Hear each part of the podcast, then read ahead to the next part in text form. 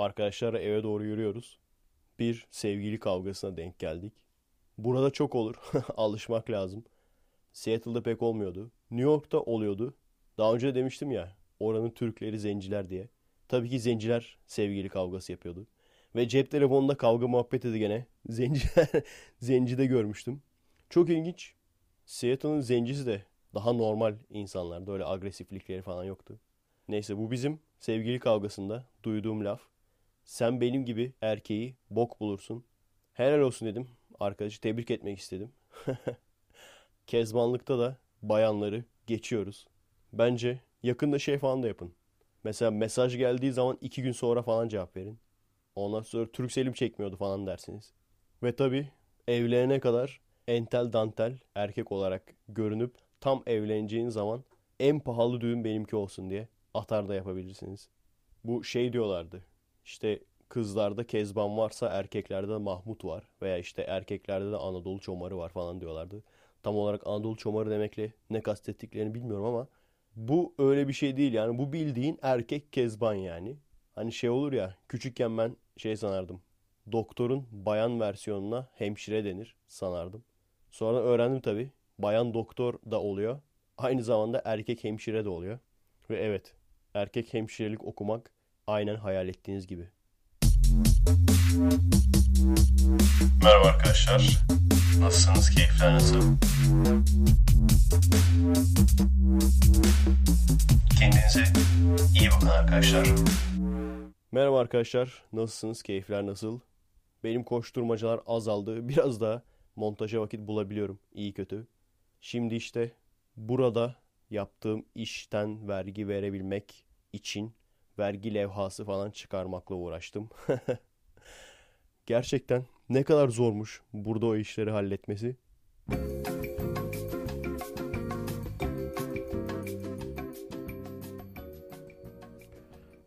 Evet tam podcast kaydının ortasında elektrikler kesildi. Ben de normalde pille çalıştırırım. Daha bağımsız olayım diye. Ama bu sefer pillerim de bitmişti. O yüzden elektriğe takmıştım. Tam podcast kaydının ortasında elektrikler kesilince pil arama, kurtarma çalışmaları yapmak zorunda kaldım. Evet alışacağız. Alışmaya çalışacağız. Elektrik kesintileri, su kesintileri falan. Bakalım. İlk haftalarda böyle diyorum şimdi. Alışmaya çalışacağız falan filan. Bakalım 2-3 ay sonra çıldırıyorum artık falan diye böyle. Alevlenirsem şaşırmayın. Neyse dediğim gibi ne olursa olsun kasacağım. Yaza kadar kalacağım. Yaza kadar ne olur göreceğiz. Evet elektrik kesilmeden önce onu anlatıyordum. Vergi levhası falan çıkardım. Bu Patreon'daki iş için. Home office olarak iş yeri açmış oldum yani. Vergi numaram falan da var yani. Şeydeyken çok kolaydı bu iş. Amerika'dayken bu vergi işi çok kolaydı. Böyle iş yeri falan açmana hiç gerek yoktu yani. Direkt sosyal güvenlik numaranı giriyordun. Kişiyim diyordun yani. Şahısım diyordun. Öyle olunca sadece en son zaten normal bir işim de vardı. O işinden dolayı vergi formu dolduruyorsun. Vergi formu doldurduğunda da bu Patreon'u ekliyorsun. Sadece o kadar. Böyle şeylerle uğraştırmadılar bizi yani. Evet, çözüm süreci devam ediyor. Operasyon süreci devam ediyor. Birçok kişi uyanmış artık. Gazetelerde de öyle. Artık teröriste terörist diyebiliyorlar. Birkaç tane paylaşım gördüm. Şu entel kızlar var ya işte. Bu tür gruplara hümanizm diye yanaşanlar.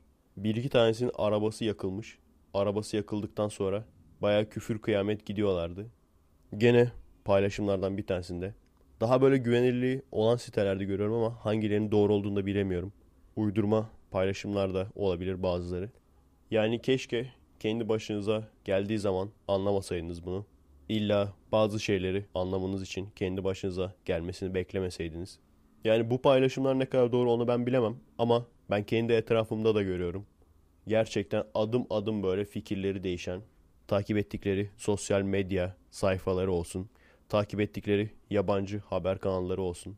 Tabi yabancı haber kanallarında işi de karşı olan herkesi iyi insan olarak gösterdikleri için bir de üstüne zaten AKP karşıtlığı var. Bunların hepsi birleşince yavaş yavaş bu gruplara, sol gruplara sempati göstermeye başlıyorlar.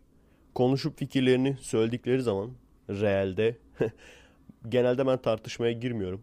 Sadece ne söylüyorlar onu dinliyorum. Fikirlerine, düşüncelerine onu dinliyorum. Bu sefer değişiklik olsun diye 2-3 cümle söyleyeyim dedim. Bu sefer de o söylediğim 2-3 cümleye bakıp ha tamam falan dedi arkadaşlar. Demek ki insanların fikirleri çok basit değişiyor. Çok kolay etkileyebiliyorsunuz insanları. Genel olarak hatanızı söyleyeyim. Yani bu gerçekten HDP'yi çözüm olarak gösteren veya işte bu terör örgütünü ama abi onlar da haklı, haklı yanları var diyen insanlar hatalarınızı söylemek istiyorum. Bazı şeyleri anlayamıyorsunuz değil mi? Yani bu insanlar eğer bu kadar haklıysa o zaman neden vatandaşın arabasını yakıyorlar? Neden vatandaşın otobüsünü yakıyorlar? Neden bu kadar çevreye zarar veriyorlar? Bunları belki anlayamıyorsunuz. Soner Yalçın'ın çok güzel bir yazısını gördüm. Gerçekten adam doğru söylüyor. Gerillayla teröristin arasındaki fark diyor. Bu farkı anlayabilmeniz lazım her şeyden önce. Bütün fikirlerinizi yanlış bir temelin üzerine kuruyorsunuz. O yanlış temel de bu terör örgütlerinin terör örgütü değil de azınlıkların temsilcisi veya azınlıkların silahlı kuvvetleri olduğunu düşünmeniz. Eğer böyle olsaydı şimdi biz bu muhabbetleri zaten yapmıyor olacaktık. O yüzden biz defalarca kere söyledik. Ne bu partilerin meclise girmesi ne de başka bir şey bu terör olaylarını azaltır. Mutlaka başka bir bahane bulup tekrardan terör estirmeye devam edecekler demiştik. Şu anda neyi bahane ettiler? IŞİD'in canlı bombasını bahane edip tekrardan Türkiye'ye, Türk halkına, Türk polisine saldırmaya başladılar. Sizce bu mantıklı bir bahane mi? IŞİD'in canlı bombası Türkiye'ye saldırmak için sizce mantıklı bir bahane mi? Mantıklı bir bahane olduğunu düşünüyorsanız o zaman bu şekilde düşünmeye devam edin. Ama eğer sizin de kafanız karıştıysa cevap terör örgütüyle azınlıkların silahlı kuvvetleri veya başka bir deyişle gerillanın aynı şey olmaması. O yüzden zaten söylediğiniz bütün argümanlar bu yanlış temele dayandığı için daha sonra söylediklerinizin de pek önemi kalmıyor. Mesela en çok söylenen laf işte azınlık gruplara zamanında çok büyük zulümler yapıldı bunu bilmiyor musunuz? Bu aynı şeye benziyor. Yani dincilerin söylediği ateistler gelin size bir şey söyleyeceğim hadi bundan sonra ateist olun deyip ondan sonra işte bu düzen tesadüfen olabilir mi demeleri gibi bir şey. Orada da mesela bir yaratıcının var olması veya var olmaması bu insanların kendi dinlerinin gerçek olduğunu kanıtlamaya hiçbir faydası olmayacağı gibi tamamen yanlış temelden. Çünkü bir yaratıcı olsa bile senin yaratılış hikayenin diğer yaratılış hikayelerinden daha doğru olduğunu esasen kanıtlaman lazım. Eğer ki deist değilsen bu da aynı hesap. Yanlış bir iki temel üzerine düşünüyorsunuz. Yanlış bir iki temel üzerine düşündüğünüz için fikirleriniz de yanlış oluyor. Bu tür terör örgütlerini azınlıkların silahlı kuvveti olarak gördüğünüz için olan olayları da algılayamıyorsunuz. İlla bizzat kendi arabanızın yakılmasını beklemeyin uyanmak için. İlla bizzat kendi başınıza bir olayın gelmesini beklemeyin. Size servis edilen sosyal medyada haberlerin ötesine geçerek size gösterilmeyen olayları da görmeye çalışın. Bu da çok ilginç mesela. Şunu da görüyorum. Bu da nedense toplumda bazı şeyler ezberletiliyor. Ezberletildikten sonra insanları kandırmak çok kolay oluyor. Mesela basın yalancıdır. Evet basın doğru söyler diye bir kural olmaz. Veya işte basında çıkan, gazetede çıkan bir haber doğrudur diye bir kural da yoktur. Basın güvenilir diye bir kural da yoktur. Ama basından çok daha güvenilir olmayan bir şey söyleyeyim size. Sosyal medya. Yani medyadan daha güvensiz bir şey varsa o da sosyal medyadır. Çünkü paylaşanın kim olduğu bile belli değildir. Yani onlar yalan haber yapmaktan ceza bile almazlar. Ve her kesimden sağ olsun sol olsun hatta bazen ulusalcı kesimi etkilemek için bile yalan haber yapıldığını görüyorum. Bir tane fotoğraf koyuyorlar. Altına da diyorlar ki işte şu şu şu oldu. İnsanlar bunu düşünmeden paylaşıyor. Mümkün olduğu kadar ben paylaşmamaya çalışıyorum. Bazen ben bile yiyorum yani. Boş bulunuyorum ben bile yiyorum yani. Diyorlar ya işte hocanın yaptığını yapma dediğini yap. Gene bir tane yerde yatan hamile kadın resmi koyup TC hamile kadınları bombaladı diye haber paylaşmaya başlamışlar.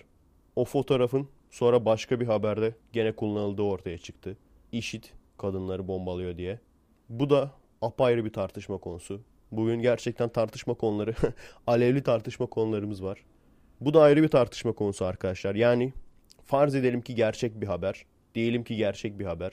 Kandil'i bombalarken çevresindeki köylere de zarar geldi ve oradaki siviller öldü. Bu gerçek olsa sizce bu kabul edilebilir mi? Edilemez mi? Şöyle söyleyeyim. Benim herhangi bir cevabım yok bu soruya. Ben size yönlendiriyorum bu soruyu. Ama şöyle bir şey var. Amerikalıların, İsraillilerin kullandığı collateral damage diye bir konsept var. Yani amacın dışında olan hasar. Biliyorsunuz daha önceden de anlatmıştım. Mesela 2. Dünya Savaşı'nda fabrikaları bombalamak istiyorlar. Öyle olunca Japonlar fabrikaları küçültüyor ve evlerin arasına hatta ev fabrikası olarak yapıyorlar. Buna rağmen gidip o mahalleleri vurup geçiyor Amerikalılar. Etrafındaki ölen siviller için de collateral damage diyor. Aynı şekilde İsrail askerini de biliyorsunuz. Hamas sivillerin arasına saklandıkları zaman adamlar hiç acımıyor. İsrail askeri yani hiç acımıyorlar. Vurup bombalayıp geçiyorlar. Yine aynı şekilde yani bu savaş suçu olarak bile sayılmıyor maalesef. Şimdi şunu düşünebilirsiniz. Bu da işte ikinci tartışma konusu diyelim. Burada esas kötü adam kim? Burada esas şerefsiz kim? Acımayıp vurup geçen mi? Yoksa bu insanların arkasına saklanan mı daha şerefsiz? Benim şahsi fikrimi soracak olursanız bu insanların arkasına saklanan daha büyük şerefsizdir. Bir. İkincisi de daha ilginç bir olay. Eğer gerçekten acımayıp bunları vurduğunuz takdirde insanlar da çocukların veya sivillerin arkasına saklanmayı bırakacaklardır veya daha az yapacaklardır. En azından bunu bir kalkan olarak kullanamayacaklardır. Kullanamayacaklarını bileceklerdir. O yüzden gerçek olsa bile böyle bir dünya yok. Terör örgütleri tabii ki sivilleri kullanmaktan kaçınmaz. Propaganda yapmak için sivillerin arasına saklanmaktan kaçınmaz. Sosyal medyadan veya yabancı basından etkilenip bu şekilde bu gruplara yakın düşünen, yakın düşünmeye başlayan arkadaşlar bunu unutmasınlar. Terör örgütlerinin birer şirkettir. Terör örgütleri birer şirkettir. Sermayesi nefret olan birer şirkettir. Objektif olarak HDP'nin ve bu gruplara yakın olan insanların yaptıkları nefret dolu, tehdit dolu açıklamalara bakacak olursanız, kafanızı kuma gömmeyecek olursanız, bu açıklamalara bakacak olursanız, yaptıkları tahriklere bakacak olursanız bunu daha net bir şekilde görürsünüz. Ha şu da ayrı, bunu da söylemeyi unutmayalım. Bu operasyonlar bir sonuç getirir mi? Yine benim şahsi görüşüm sonuç getireceğine ben inanmıyorum. Yani terör örgütünü tamamen temizleyebilir mi? Temizleyebileceğine inanmıyorum. En fazla inaktif duruma getirebilir. Yani genel olarak ülkelerde terörü bir sivrisinek istilasına benzetirsek ordunun yapabileceği ki bu normal bir şeydir. Ordu daha fazlasını yapmalıdır demiyorum. Ordunun yapabileceği tek şey ordu o şeydir yani. Sineklerin üzerine vurduğunuz o terlik. Ordu bunu yapar ama bataklığı kurutmadığınız sürece mutlaka tekrardan çıkar. Okullarda, liselerde, üniversitelerde orada hiçbir sorunu sıkıntısı olmadan oraya gidip orada işte gel kardeş biz AKP karşıtıyız, gel kardeş biz faşizm karşıtıyız diye gruplara alınan, toplulukların içine sızan, bu insanlar tarafından zehirlenen, bu grupların yaptığı video gösterileri olsun, bu grupların hazırladığı yanlı, tek taraflı gösteren belgeseller olsun, bunları görüp bunlara inanan, bu gruplarla mücadele edilmediği sürece, bu beyin yıkama takımlarıyla mücadele edilmediği sürece tekrar tekrar bu örgütler tam olarak bitirilemez. Bizim bence en büyük sorunumuz bu. Bir numaralı sorunumuz bu. Ha bitirmek istemiyorlar mı? Tabi terörü bitirirsen ondan sonra operasyon şov yapamazsın. Ama işte dinleyen birisi varsa gerçekten terörü bitirmek isteyen yetkili insanlar varsa bunu çok iyi anlamaları lazım. Yani neler yapılmalı? Terör örgütü propagandası yapanların yakalanması lazım bir. İkincisi de direkt olarak terör örgütü propagandası yapmayıp alttan alttan insanların beynini yıkayanlar var. O yüzden de buna karşı da konuşulması yani beyine beyinle savaş verilmesi lazım.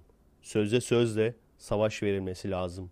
İnsanların korkmadan çıkıp konuşabilmesi lazım. Hep benim gibi yetkisiz insanların değil yetkililerin de söz sahibi insanların da bunları söylemesi lazım. Çünkü gerçekten alttan alta kaynıyor. Kadayıfın altı kaynıyor diyorlardı ya. Bu okullar acayip başıboş. Çünkü neden? İnsanlar devletle anarşistlerin arasında kalmış durumda. Bu ikisi şey gibi yani çok anlayışsız bir babayla çok atarlı ergen bir çocuk. İkisi de yani birbirinden anlayışsız. Bizim insanımız da, bizim öğrencilerimiz de, bizim gençlerimiz de bu ikisinin arasında kalıyor ve çoğu zaman bunlardan birini tercih etmek durumunda kalıyor. O yüzden mesela TGV gibi gruplar faydalı iş yapıyorlar bence. Bu sebepten dolayı. Çünkü neden? En azından iktidar karşıtı, AKP karşıtı bütün gençler sol örgütlerin eline düşmüyor. Böyle de bir alternatif olduklarını görüyorlar. Veya işte ülkücülerin eline düşmüyor. Ha ülkücülük çok mu tehlikeli? Senin benim gibi insanlara yani komünist kafada değilsen onlar daha çok komünistlere saldırıyor. Senin benim gibi insanlara çok fazla tehlike arz etmiyor. Ancak benim gençken özellikle ülkücü arkadaşlarım çok oldu. O yüzden aşağı yukarı biliyorum. İçlerinde çok fazla cahil var. Cahil olmak hiçbir zaman iyi değildir. Görüşün ne olursa olsun, ister milliyetçi ol, ister Atatürkçü ol, ne olursa olsun cahil olmak hiç iyi bir şey değildir. Bazen şunu falan görüyordum.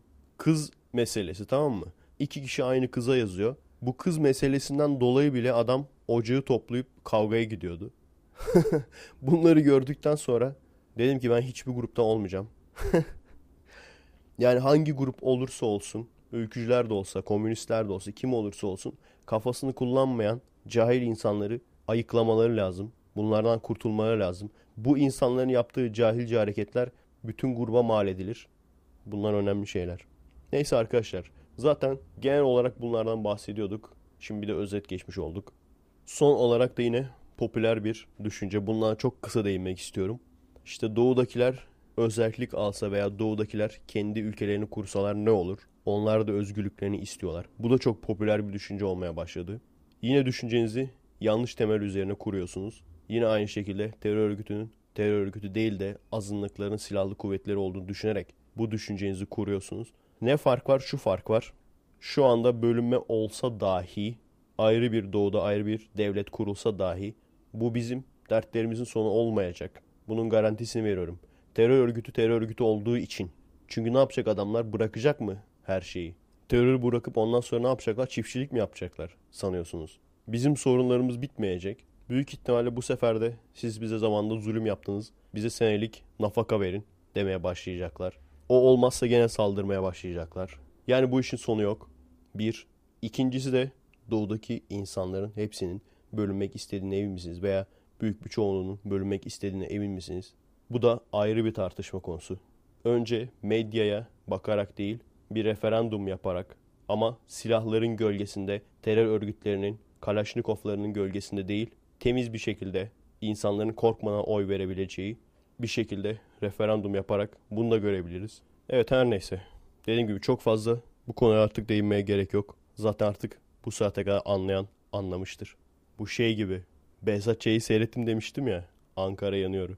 Orada gene sonunda söylüyor. Kaos iyi bir şeydir. Temizlik getirir falan öyle bir şey. Düzen mi getirir diyordu. İyilik getirir mi diyordu. Bir hafta sonra Sanem Çelik'in arabası yakıldı. o şeyler bağırıyormuş. Bu da gene bize ezberletilmiş bir şey. Kaos her durumda iyi bir şey değildir. En azından bizim gibilere iyi bir şey değildir. Size daha önceden söylemiştim. Historical arsonist denilen bir olay var. Yani tarih kundakçısı veya tarihi kundakçı diye dilimize çevrilebilir. Moğollar bu gruba giriyor. Roma bu gruba giriyor. Yani bir bölgede bir güç çıkıyor ve etrafındaki küçük topluluklara saldırıyor ve hepsini temizliyor. Ancak bir noktada kendi boyutunun altında, kendi ağırlığının altına eziliyor ve gücünü kaybettikten sonra da bu sefer diğer büyük ülkeler buna saldırıyor ve bunu temizliyor. Ve sonra ne oluyor tabi? Temizledikleri alan bu büyük ülkelere ait olmuş oluyor. Yani kaos iyidir ama kimin için iyi onu düşünmek lazım. Şu anda benim düşüncem IŞİD'i de Moğollar gibi veya Roma gibi görüyorlar. Oradaki ufak güçleri temizlemesini bekliyorlar. Çok fazla saldırmıyorlar. Çok fazla saldırmamaları da mantıklı. Dediğim gibi oradaki ufak güçleri temizlemelerini bekliyorlar. Hepsini temizledikten sonra veya gücü yettiği kadar temizledikten sonra gücü azalmaya başladıktan sonra da işi de saldıracaklar bu sefer ve işi de bitirecekler. Ve orada tabii ki büyük bir boşluk doğmuş olacak. O boşluğa da çok rahat bir şekilde kendi adamlarını oturtacaklar. Ha bu sayede Orta Doğu'ya barış gelecek tabii. Ama barış gelecek de bize mi gelecek onu bilmiyorum. Romalılar için söylenmiş çok güzel bir laf vardır. Romalılar yakıp yıkar, araziyi dümdüz eder ve buna da barış derler denir. Bu söz de bu durum için geçerli olabilir diye düşünüyorum. Ve tabii ki hep karşıt görüşlü insanlara konuşuyorum aslında. Benim kendi seyircilerim birçoğu bu söylediklerimi biliyor. Biraz da kendi seyircilerime karşı konuşayım. Bizim bu noktada yapmamız gereken evet bu doğruları söylemeliyiz. Ancak bu işi ırkçılığa çevirmemeliyiz. Şöyle bir gerçek var. Bunda yapılacak bir şey yok. Benim takipçilerimin veya beni seven insanların içinden ırkçı olanlar çıkıyor. Bu konuda yapacak bir şey yok. Her insanın takipçileri arasında böyle değişik gruplar çıkar. Benim takipçilerim arasından da ırkçılar çıkıyor. Ve gerçekten çok ilginç bir şey söyleyeceğim. Ben aslında ırkçı olsaydım veya ırkçı konuşmalar yapsaydım daha çok takipçim olurdu. Neden değilim? Sadece işte ırkçılık kötüdür falan diye ezberletildiği için değil. Gerçekten ırkçılık artık şu dönemde mantıksızdır. Bir. İkincisi milliyetçilik ırkçılık değildir. Milliyetçilik ırkçılığın zıt anlamlısıdır. Belki gene birkaç yüzyıl önce yani İngiliz İngilizken, Fransız Fransızken, Alman Almanken o zaman evet milliyetçilikle ırkçılık aynı şeydir belki diyebilirdik. Hatta belki o zaman bile demezdik. Çünkü ırkçılığa her şey dahil. Yani bir Hitler'i düşündüğü, Slav ılkının aşağılık olduğu, Yahudilerin aşağılık olduğu düşüncesi. Bu da ırkçılık tabi. Her neyse sonuç olarak ırkçılık neden mantıksızdır ve neden milliyetçiliğin zıt anlamlısıdır? Çok kısa bir şekilde özetleyecek olursam milliyetçilik şudur. Sizin bir ülkeniz var. Bu ülkenin çıkarları doğrultusunda çalışıyorsunuz ve size bir insan diyelim ki bir Kürt gelip diyor ki ben de sizin dostunuzum. Ben de sizin çıkarlarınız için bu toplumda çalışmak istiyorum. Tamam kardeşim gel sen de bizimlesin dersen bu milliyetçiliktir. Defol git senin ırkın farklı dersen bu ırkçılıktır. Gördüğünüz gibi birbirine tam zıt anlamlısı aslında. Bir. İkincisi de bizim sadece ırkından dolayı insanları dışlamamız, insanlara sen teröristsin veya senden adam olmaz dememiz en çok bölücülere yarar. Yani bizim her yaptığımız ırkçılık terör örgütlerine asker kazandırır. O yüzden diyorum ya bölücülük kadar tehlikeli bir şeydir ırkçılık bizim için. Böyle şeyler yapmaya lüksümüz de yok. Anlatabiliyor muyum?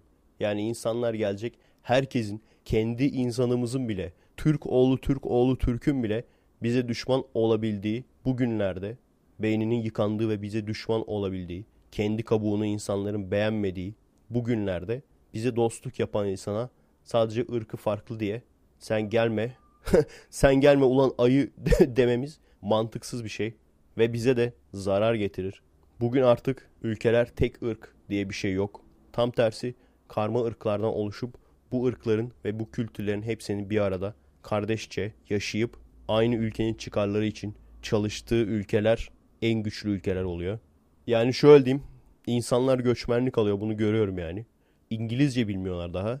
İngilizce bilmiyorlar ama geliyorlar 4 Temmuz'da hemen üzerlerinde böyle Amerikan bayraklı tişörtler, şortlar böyle Amerikan bayrağı falan. Ve şu kesin bir şey. Amerika eğer bu insanlara sen gelme oçe deseydi veya sen gelme ayı deseydi gerçekten şu anki halinden çok daha zayıf olurdu. Ülkeyi resmen göçmenler sırtlıyor şu anda. Şey falan görüyorum mesela. İşte Apo'nun yeğenini gösterip tipini sikeyim falan yazmışlar. Şimdi bu da alın size üçüncü tartışma konusu. Şimdi tabii ki bunun mantıklı bir laf olmadığını biliyoruz. Ama ciddi ciddi bazı insanlar bakıp tipini sikim dediğiniz oluyor değil mi? İtiraf edin oluyor. Hepimizin oluyordur. Bu tipe bak lan bazen posterlere falan koyuyorlar. Tipe bak lan posteri bölecek diyorsun yani. Ama bunu neden açıktan söylememeliyiz? Neden açıktan söylememiz doğru değildir? Çünkü şu da bir gerçek. Aynı tipteki insan ama fikir olarak sana yakın biri ise veya sana dost bir insansa o zaman bu lafı söylemezsin değil mi? Ne biçim tip var lan sende sen gelme falan demezsin değil mi? Yani aslında sırf düşüncesinden dolayı o insana zaten hani bir antipatimiz var. Üzerine de tipi de hoşuna gitmeyince tipini sikim diyesi geliyor insanın. Ama işte her aklınıza geleni dışarıdan da söylememek lazım. Çünkü doğru değil, yanlış. Yapıyoruz ama yanlış yani. Sebep de bu. Çünkü aynı tipte veya daha tipsiz bir insan bizim dostumuz da olabilirdi. Ve ona da bunu söylemezdik. Kabul edin. Ya da hepsini geçtim. Biz de aynı tipte olabilirdik yani.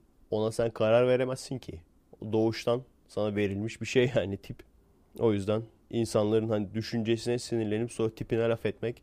Bunu da böyle Facebook'ta insanların çok rahat görebileceği şekillerde paylaşmak çok yanlış bir davranış.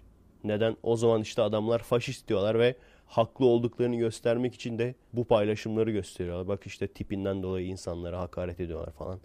Yapmayalım arkadaşlar. Her neyse biraz daha light konulara geçelim. Benim yine birbirinden alakasız konularım birikti.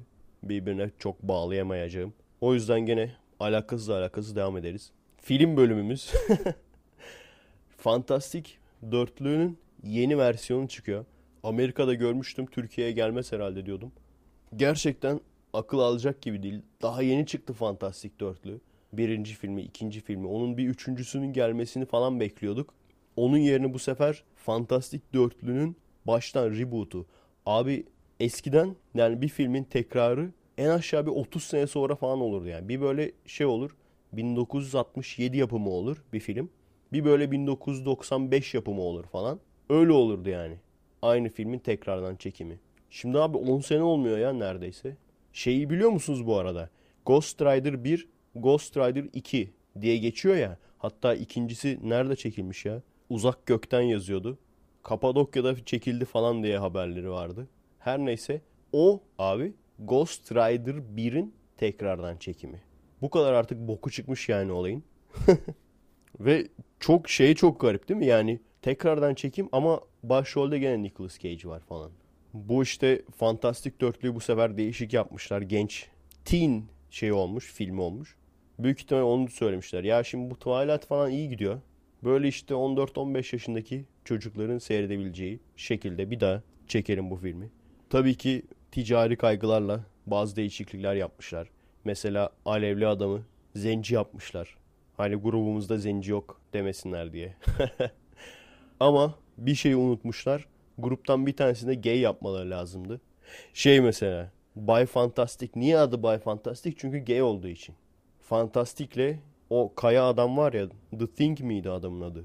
O ikisi mesela aslında sevgili. Yeni versiyonda öyle yapsınlar. Yani sonuçta değiştirebilirler.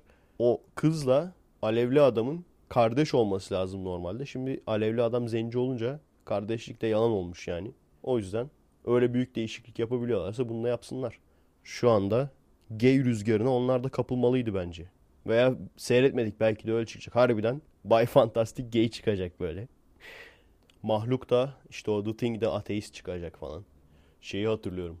Mahluk'un yani o kaya adamın. Bu arada Mahluk diyorum şeyden dolayı. Ben ilk çizgi filminden seyrediyordum onu küçükken. Fantastik Dörtlüğü. Orada tabii Türkçe dublajdı. O kaya adama mahluk diyorlardı. Çok uzun süre sonra yani İngilizce falan zaten bilmiyordum o zamanlar. Çok uzun süre sonra öğrendim. Onun adının Thing olduğunu. Yoksa değil mi lan? öyle öyle hatırlıyorum ama Thing değil mi adı? Neyse Kaya Adam diyelim biz. Kaya Bey. Filmde işte esas orijinal ilk seyrettiğim filminde işte Kaya Adam'ın bir tane sevgilisi vardı. Sevgilisi kördü falan. Kör olduğu için seviyordu bunu. Birlikte fotoğraf çektiriyorlardı falan. Bu arada gerçekte öyle bir şey gördüm. Alın size bir tartışma konusu daha. Tartışma konusu No 4. Bir kör adam Seattle'dayken gördük bunu. Gezerken yanında kız arkadaşı da vardı galiba. Selfie çekiyordu. Yani kızla birlikte değil sadece kendisini selfie olarak çekiyordu. İlk başta tabii fotoğrafı çekerken fark etmedim. Daha sonra fark ettim kör olduğunu. Bu da ilginç. Neden ilginç?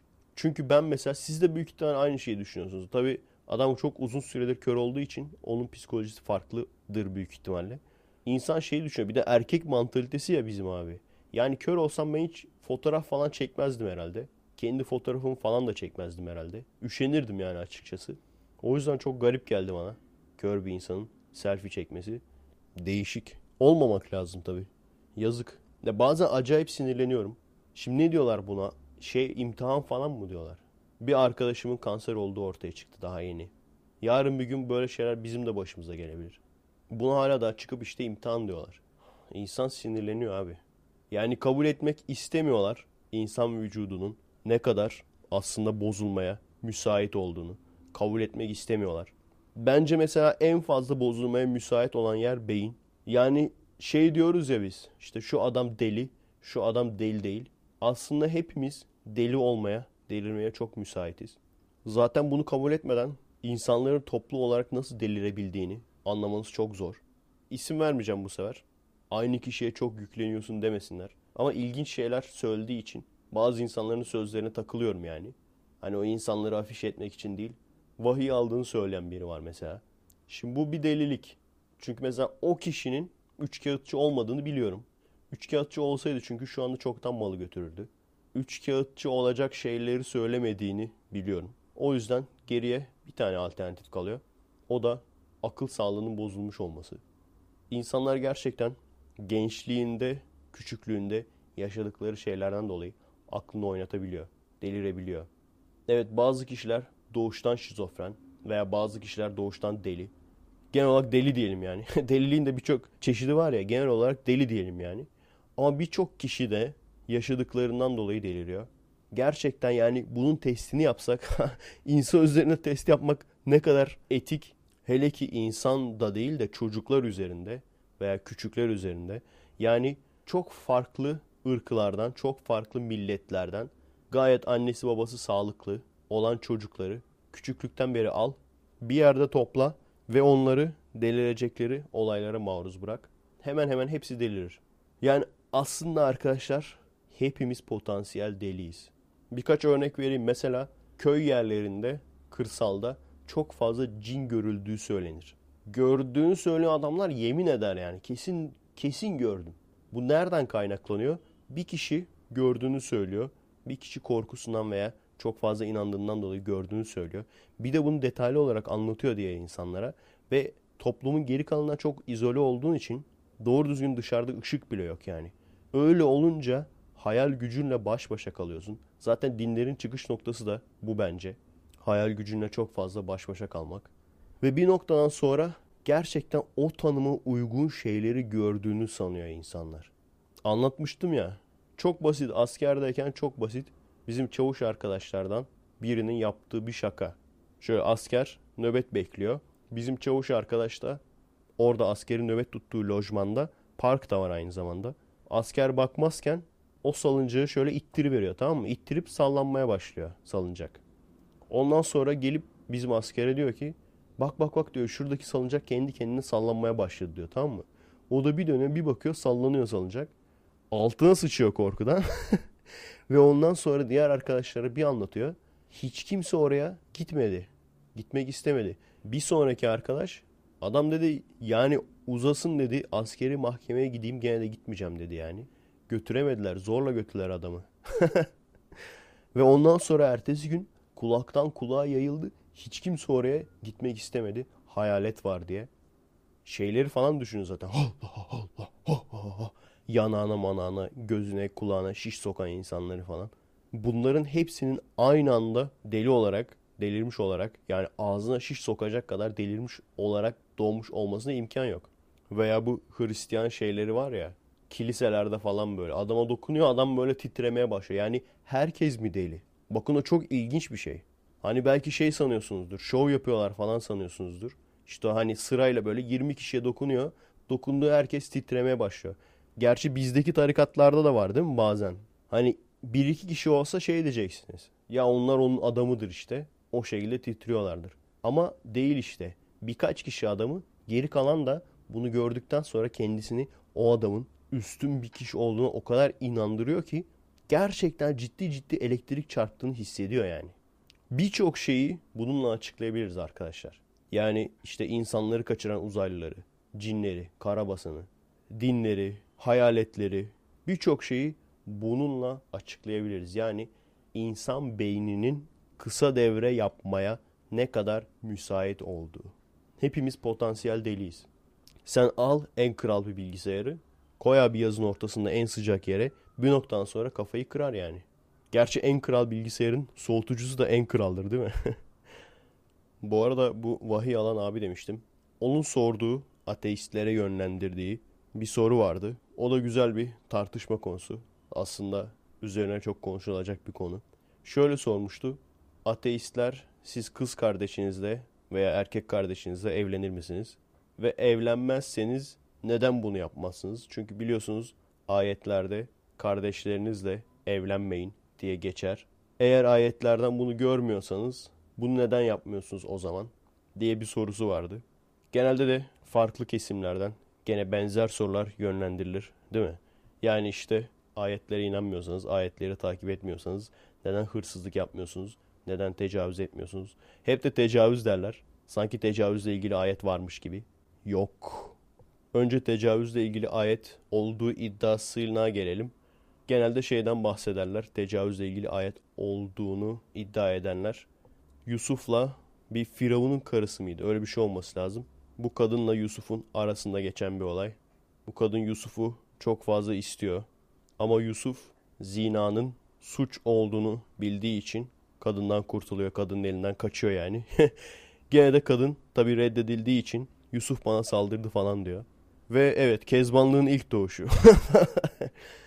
Kezbanlığın doğuşu Mısır'a dayanır. Yusuf'u elde edemediği için bana saldırdı diyor. Şimdi birincisi her şeyden önce bahsedilen kurallar Mısır'ın kuralları. İkincisi orada tecavüz değil zina diyor. Sadece iki veya üç çeviride ki bunlar uç olan çeviriler o malum şahısların yaptığı uç olan çeviriler zina parantez içinde tecavüz diyor. Ve üçüncüsü de hepsini geçtim. Gerçekten bu kişilerin söylediği doğru olsa bile gerçekten bu kişilerin iddia ettiği gibi bu ayette aslında dolaylı olarak tecavüzün kötü bir şey olduğu anlatılıyor olsa bile neden birçok konuda direkt olarak emir verildiği halde mesela ihramla avcılık yapmayın, mesela büyücülük yapmayın. Birçok konuda bu şekilde direkt emir verildiği halde yine aynı şekilde işte kardeşinizle evlenmeyin. Bu konularda direkt emir verildiği halde tecavüz etmeyin şeklinde neden direkt emir verilmemiş de dolaylı olarak ve hatta işte zina mı yoksa tecavüz mü bile belli olmayan tartışmalı bir ayette bu şekilde verilmiş. Bir de dördüncüsü var. Dördüncüsü de tabii ki Yusuf'un bu hikayesi Tevrat'tan alıntı. Tevrat'ın da İngilizcesini yani Old Testament İngilizcesini gene sesli olarak bir programdan dinlemiştim. Aynı hikayeyi oradan da dinledim. Orada da tecavüz kesinlikle geçmiyor.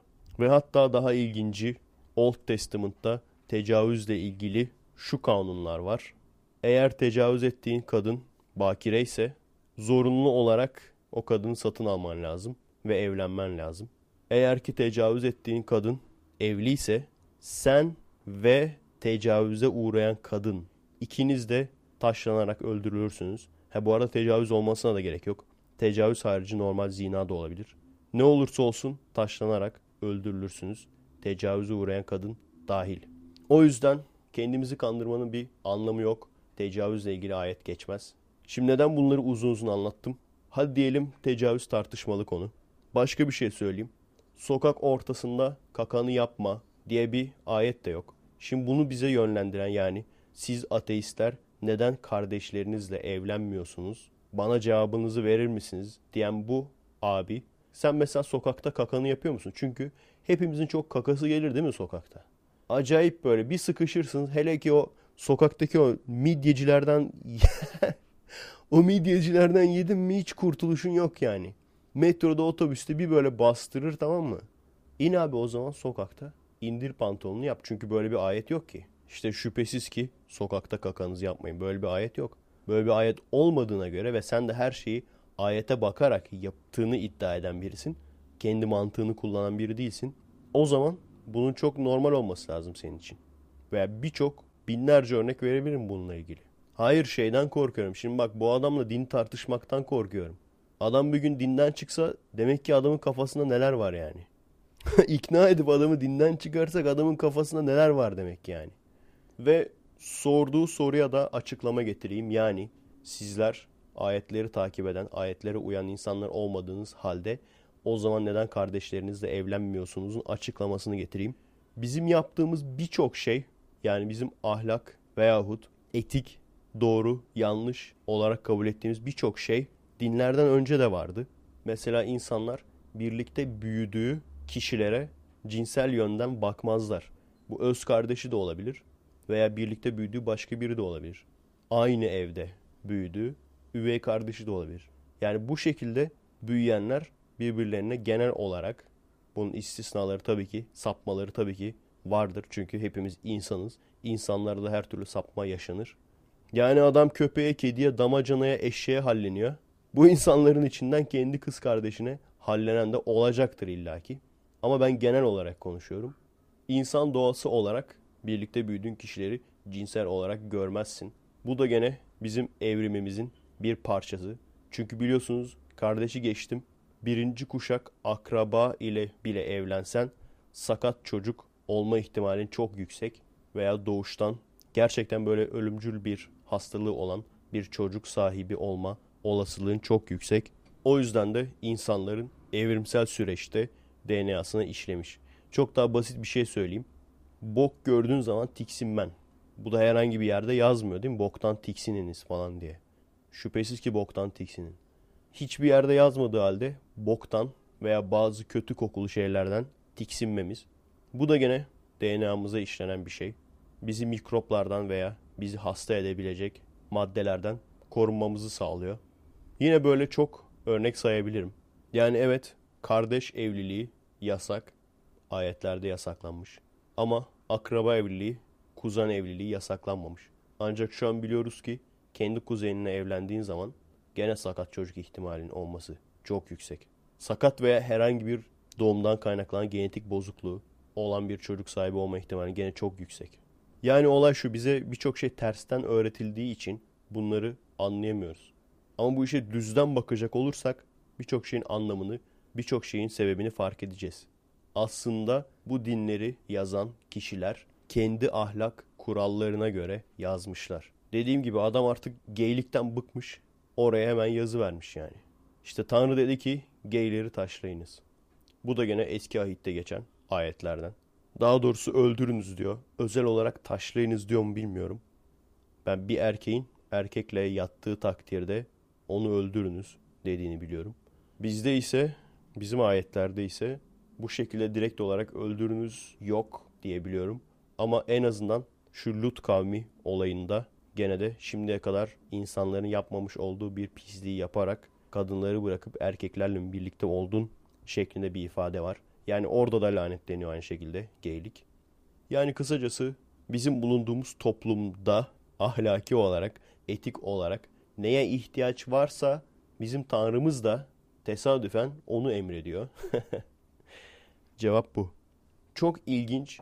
Ben aslında bu şekilde konuşan dinci insanları başarısız buluyorum. Yani dini bilime katmaya çalışıp bilimsel olarak işte sayıların gizemi veya işte şuradan şu çıkıyor falan. Bu insanları çok başarısız buluyorum. Çünkü bu insanların doğru söylemediğini anlayabilmek için tek yapman gereken açıp kontrol etmen. Şeyler bu konuda daha başarılı bence. Hani hep dalga geçildi Allah diyen pense falan. Chai House. Onlar daha başarılı bence. Çünkü onlar bilime girmiyorlar. İşe felsefi kısımdan. Yani uzattıkça uzatıyorlar. İşte diyorlar o mesela Allah diyen pense biz hep şeyi hayal etmiştik. Şöyle tık tık yapacak penseyi. Allah diye ses çıkacak böyle penseden. Onu hayal etmiştik değil mi? Ama öyle değil video. Şey diyorlar işte. Hani bu pensenin de bir ustası var. Genelde o argümanın üzerinden. Neden başarılı oluyorlar? Çünkü gerçekten bilim altyapısı olmayan insanı felsefe yaparak ikna edebilirsin.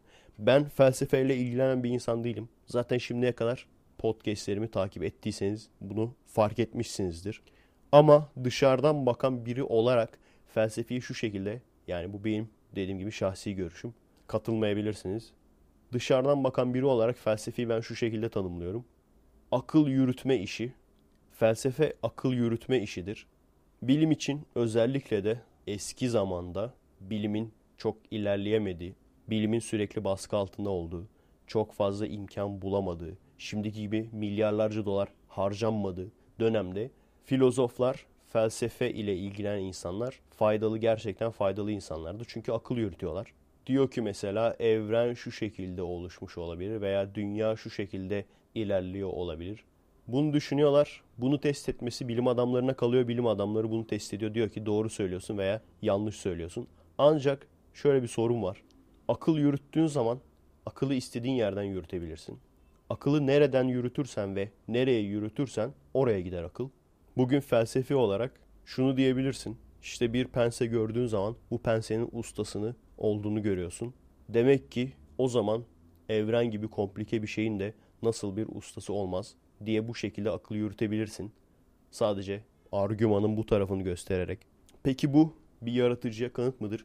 Ve tabii ki her şeyden önce şunu da söyleyeyim de. Yarın bir gün bu insanların yaratıcıyı kanıtlamaya çalışması kendi dinlerine hiçbir fayda sağlamaz. Kendi dinlerinin kanıtlanmasında hiçbir fayda sağlamaz. Bunlar deist argümanlardır. Yarın bir gün, yani şu şekilde söyleyeyim, yarın bir gün bilim adamları süper kanıt buldu. Kesin olarak kanıt buldu. Dediler ki tamam bir yaratıcı var. Kesin kanıtı bulduk. Şöyle şöyle bir kanıt bulduk. Kesin olarak biliyoruz ki artık bir yaratıcı var. Big Bang'i bir yaratıcı yarattı. Bu bilinse dahi Ahmet'in dininin veya Mehmet'in dininin gerçek olduğu, o yaratıcının yarattığı, yani o dinde iddia edilen yaratıcının yarattığı, o şekilde yarattığı konusunda bir adım bile ilerlemiş olmazlar. O zaman deriz ki deistler haklı. Çünkü ikisi çok farklı şey. Her neyse ama bugün, bugünkü bilgimizle bu evreni bir yaratıcı yaratmıştır diyemeyiz. Neden? Ben de bir tane örnek vereyim. Peri bacalarını gördük. Peri bacalarına şunu diyebiliriz. Bu gerçekten çok düzgün bir şekil. Bunu mutlaka bir sanatçı yaratmış olmalıdır. Ama biliyoruz ki doğa olaylarını rastgele işte akarsular toprak kayması mı yapıyordu? Öyle bir şey birkaç tane doğa olayının bir araya gelip sanki bir insanın bir heykeltıraşın yaratmış gibi bir görünüm verdiği şekillerdir. Veya başka bir örnek vereyim. Bir ölüm soruşturmasına gittik. Adamı ölü bulmuşlar ama cinayet mi belli değil. Bakıyorsun intihar olabileceğini düşünemiyorsun. Adamın sırtında çizikler var. Aldım hiç akıl erdiremeyeceğim bir şey var. Ama üstünde parmak izi de yok. Yani bir yandan nasıl bir intihar olabilir akıl erdiremiyorsun veya nasıl bir kaza olabilir akıl erdiremiyorsun. Ama bir yandan da cinayet olduğuna dair de kanıt bulamıyorsun. Parmak izi yok. Atıyorum cinayet silahı yok. Şu anda aynen o noktadayız. Bazı insanlar cinayet diyebilir. Ama şunu diyebilir misiniz? Cinayet olduğu kanıtlanmıştır. Hayır. Neden? Çünkü çok önceden de biliyoruz ki birçok açıklanamayan çok acayip ölümler, çok acayip tesadüflerin sonucunda oluşmuş olabiliyor. Bazen senelerce uğraşıyorsun çözmek için nasıl ölmüş bu adam. Ve sonucunda gerçekten bir dizi tesadüften doğan bir kaza sonucu öldüğünü buluyorsun. Yani şu anda biz o noktadayız. Ne olduğunu çözememiş durumdayız. Ne olduğunu çözememiş olmamız bir yaratıcının var olduğunu kanıtlamaz. Deistler haksızdır diyebilir miyiz? Deistler haksızdır diyemeyiz. Ama deistlerin de ortaya attığı sadece bir iddiadır. Diğer bütün bilimsel alanlardaki gibi kanıtlanana kadar bir iddia olmaya da devam edecektir. O yüzden dediğim gibi bu Çay House zaten arkalarında cemaat var. Adamlar minibüsle falan geziyormuş böyle. Şimdi de TRT'ye çıkmışlar. Bu arada onu anlamış değilim. Nasıl oluyor o iş? TRT iktidarın değil mi? Çay House Nurcuların değil mi? Nurcular da cemaatin değil mi? Ben bu adamları kavgalı sanıyordum yani. Nasıl oldu bu iş? Belki de daha uyanmadılar. Uyandıktan sonra lan siz Nurcu musunuz falan. Veya acaba Nurculuğu mu paylaşamıyorlar? Öyle bir şey de olabilir. Mesela AKP ile Fethullahçılar Nurculuğu paylaşamıyor falan. Öyle bir şey mi acaba? Yani bu konuda bilgisi olan varsa gel aydınlatırsa sevinirim. Bunlar bu şekilde başarılı. Diğerleri bilime girmeye çalışıyor. Bilime girmeye çalıştığı zaman da karşılarında da bilimle ilgilenen insanlar oluyor. Yediremiyorsun yani. Oradan 3'ten 5'i topla or- oraya komşunu aldık onu yediremiyorsun yani karşındaki adama. Başarısız olmalarının sebebi o. Cahillere hitap etmiyorlar. Yine alakasız bir konuya zıplamak durumundayım. Bu biliyorsunuz hayvanat bahçelerine gittik. Hem Seattle'da hem Vancouver'da. Yani hayvanat bahçesi sayılabilecek kaç yere gittik? Bir Woodland Park Zoo'ya gittik. O bayağı hayvanat bahçesi yani şeyde Seattle'da. Bir Seattle Aquarium'a gittik. Orada daha çok suda yaşayan canlılar işte fok balıkları da yunustur vesaire ahtapotundan kadar. Bir de Vancouver Aquarium'a gittik. O da gene aynı şekilde. Üç tane yere gittik yani. Çok değişik bir şey söyleyeceğim. Bizde bu var mı bilmiyorum. Genelde şey derler ya hayvanat bahçeleri hayvan hapishanesidir. İşte yazık değil mi? Yakalıyorsunuz bu hayvanları vahşi doğada. Ondan sonra burada insanların karşısına koyuyorsunuz. Yazık değil mi bu hayvanlara? Bu üç yerde de özellikle birçok noktaya tabela koymuşlar. Hepsinin söylediği şu. Bu hayvanları biz vahşi doğada çok kötü durumdayken bulduk, aldık, tedavi ettik, iyileştirdik ve burada tuttuğumuz hayvanlar doğaya geri salınamayacak durumda olan hayvanlar. İşte hatta uzun uzun yazmışlar. Şu kör, ötekisinin yüzgeci kalıcı olarak hasarlı falan diye. Çok ilginç. Hani Normalde baktığın zaman yazık işte bu hayvanları böyle kapatmışlar falan diyorsun ya. Burada en azından onu söylemişler, onu belirtmişler.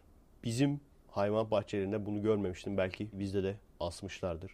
Ama insan en azından seviniyor oraya gittiğine. Hani hayvanat bahçesi hayvanlara yardım dokunan bir gruba finansal olarak, maddi olarak ufak da olsa bir yardım ettiğine seviniyorsun yani.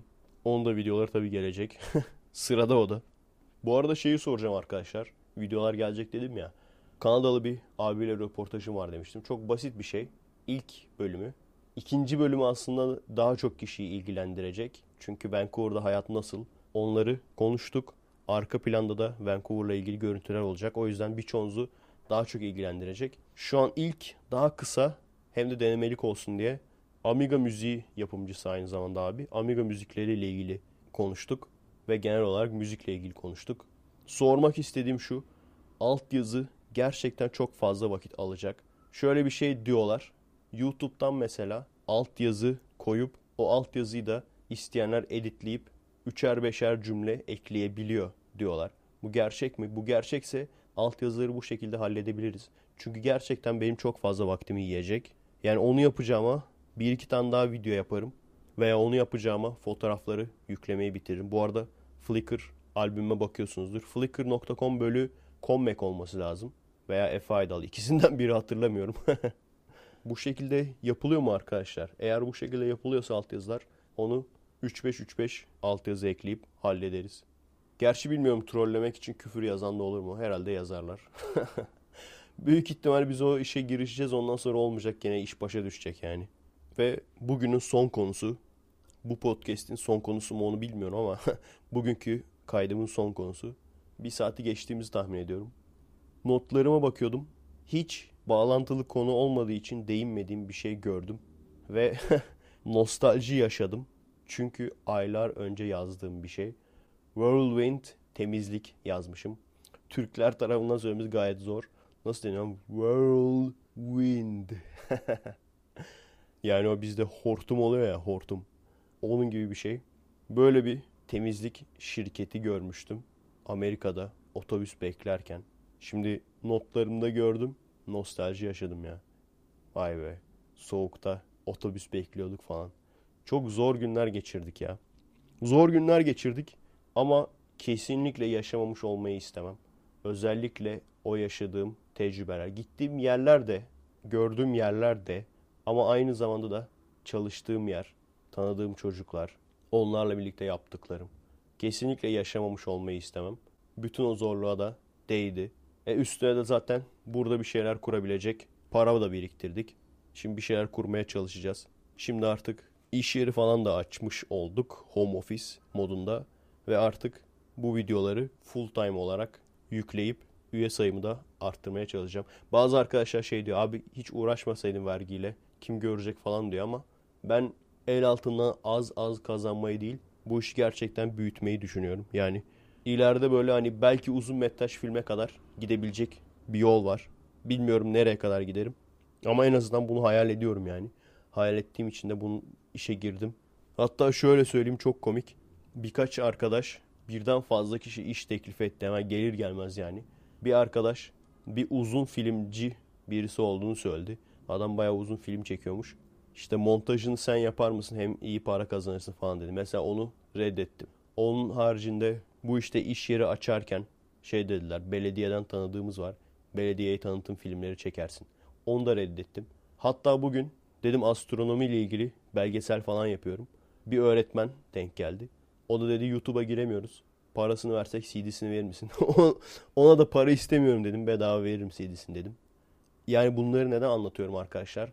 Gerçekten özellikle üye olan arkadaşlar faydalı işler yapıyorsunuz. Kendinizle gurur duyabilirsiniz. Bu tür başkasının projesine değil de kendi projeme ve dolayısıyla sizin sevdiğiniz şeylere vakit harcayabiliyorsam gerçekten üyelerin sayesinde ve tabi insanlara böyle bedavaya CD falan verebiliyorsam işte sınıf öğretmenlerine astronomi öğrensinler falan diye. Gerçi sınıfta uygun olur mu o? Astronomi bölüm 2. Küfürlü müfürlü bir şey yok değil mi? Yoktu değil mi? bu insanlar eğitim görsün. Bu insanlar güneş sistemini falan öğrensin diye. Gene para almadan bedavaya bu CD'leri veriyorsam bu kişilere bunların hepsi arkamda seyircilerim olduğu için. O yüzden kendinizle ne kadar gurur duysanız azdır. Ve bunu da kesin olarak söyleyebilirsiniz. Biz olmasaydık, biz destek vermeseydik Aydal bu videoları bu şekilde çekemeyecekti. Bunu da diyebilirsiniz. Bu da bir doğrudur. O yüzden dediğim gibi ben bu işi büyütmek istiyorum. Büyütmek istediğim için hatta dediğim gibi mobil ödemeye falan da geçmek istiyorum kartı olmayanlar için falan. Büyütmek istediğim için de illaki bir vergi levhası bugün geldi işte. Bunları yapacağım yani. Ama merak etmeyin. Daha önce de demiştim. Şey olmayacak. Yani işte videolar paralı oldu falan. Böyle bir şey olmayacak. O konuda rahat olabilirsiniz. Hatta şeyi düşünüyordum. Hani ne ekstra versem üye olanlara falan diye düşünürken kamera arkalarını falan veririm diye düşünüyordum ama kamera arkaları da halka açık olacak. İnsanlar en azından çabamızı görsünler diye. Ha bu arada nereden nereye geldik? Whirlwind temizlik diyorduk. Bu Amerika'da gerçekten çok yaygın olan bir şey. Aşırı yaygın olan bir şey. Yani bir temizlik şirketi bile kendisine böyle imaj yaratıyor. Ondan sonra kendisine bir logo buluyor. Kendisine bir maskot hayvan buluyor. Kendisine böyle on numara bir slogan falan buluyor. Yani müthiş rekabet var. Bizde öyle temizlik şirketi olsa ne olur abi? Ahmetler temizlik. Hangi yolla müşteri edinir? İşte tanıdığının tanıdığı, tanıdığın tanıdığının tanıdığı falan. Burada diyorum ya adam çorba satıyor. Çorbanın üzerine bizim hikayemiz diyor. Bilmem ne 56 sene önce işte bizim çorbamızın kurucusu olan bilmem ne McCormick işte kasabasında evinde çok değişik bir formül keşfetti. Ondan sonra bu formül sayesinde ünlü oldu falan filan. Hani sen bunu okuyunca çok büyük bir işi iştirak etmiş gibi hissediyorsun kendini. Ama her şeyde var. 1 dolarlık mac and cheese alıyorsun onda da var aynısı yani. Bizim hikayemiz şu falan. Veya işte Monster içecek alıyorsun. Türkiye'de de böyle arkasına hikaye yazıyorlar mı bilmiyorum Monster enerji içeceğinin. Ama orada öyle. Yani bir böyle çok değişik bir aroması olsun. Portakallısı olsun mesela. Hemen işte onunla ilgili bir hikaye. İşte portakallı ya. Şeyin adı da Güneş Sunrise diye geçiyor mesela. Monster Sunrise diye geçiyor. İşte diyor bunu içenler diyor bir yaz gününün ilk saatlerinde yaprakların üzerindeki çiğ taneleri gibi falan ve baya bir şey diyor. Baya bir hikaye yazıyor yani. Yaprakların üzerindeki çiğ tanelerinin arasından sörf tahtasını geçirip günün ilk dalgasını yakalamaya gidenler. Bisikletiyle işte günün doğuşunu yakalamaya çalışanlar. Bir ton saymış böyle adam. Çok ilginç adamların olayı. Bazıları da çok saçma gerçi. Adam şey mesela hukuki danışmanlık tamam mı? hukuki danışmanlık ama Mickey Mouse gibi logo koymuş şimdi. Onu görmüştüm mesela hani reklamın iyisi kötüsü olmaz mı? Oluyormuş. Bakıyorsun şimdi 3-4 tane hukuki danışmanlık reklamı çıkıyor. E sen hanginiz Mickey Mouse'lu olana gider ki yani? ne koymuş öyle bir tilki mi koymuş çizgi filmden bir tilki. Hukuki danışmanlığınızı biz yapalım. Siktir lan. Önce bir takım elbise giy üstüne. Evet. Bugünkü konularımız bu kadar arkadaşlar. Bir saati geçtiysek podcast'imiz de burada biter zaten. Şimdi ben montaja gider. Adresimiz youtube.com bölü kommek, twitter.com bölü kommek. Daha iyi ve daha sık video çekmemize destek olmak isteyen arkadaşlar için patreon.com bölü Efe Aydal. Şimdiye kadarki özveriniz, sabrınız, desteğiniz, her şeyiniz için teşekkürler arkadaşlar. Umarım yakın zamanda videolar teker teker gelmeye başlayacak. Düzenimde bir oturtayım. Haftaya görüşürüz. Peri bacalarına emanet olun. Merhaba arkadaşlar. Nasılsınız? Keyifler nasıl?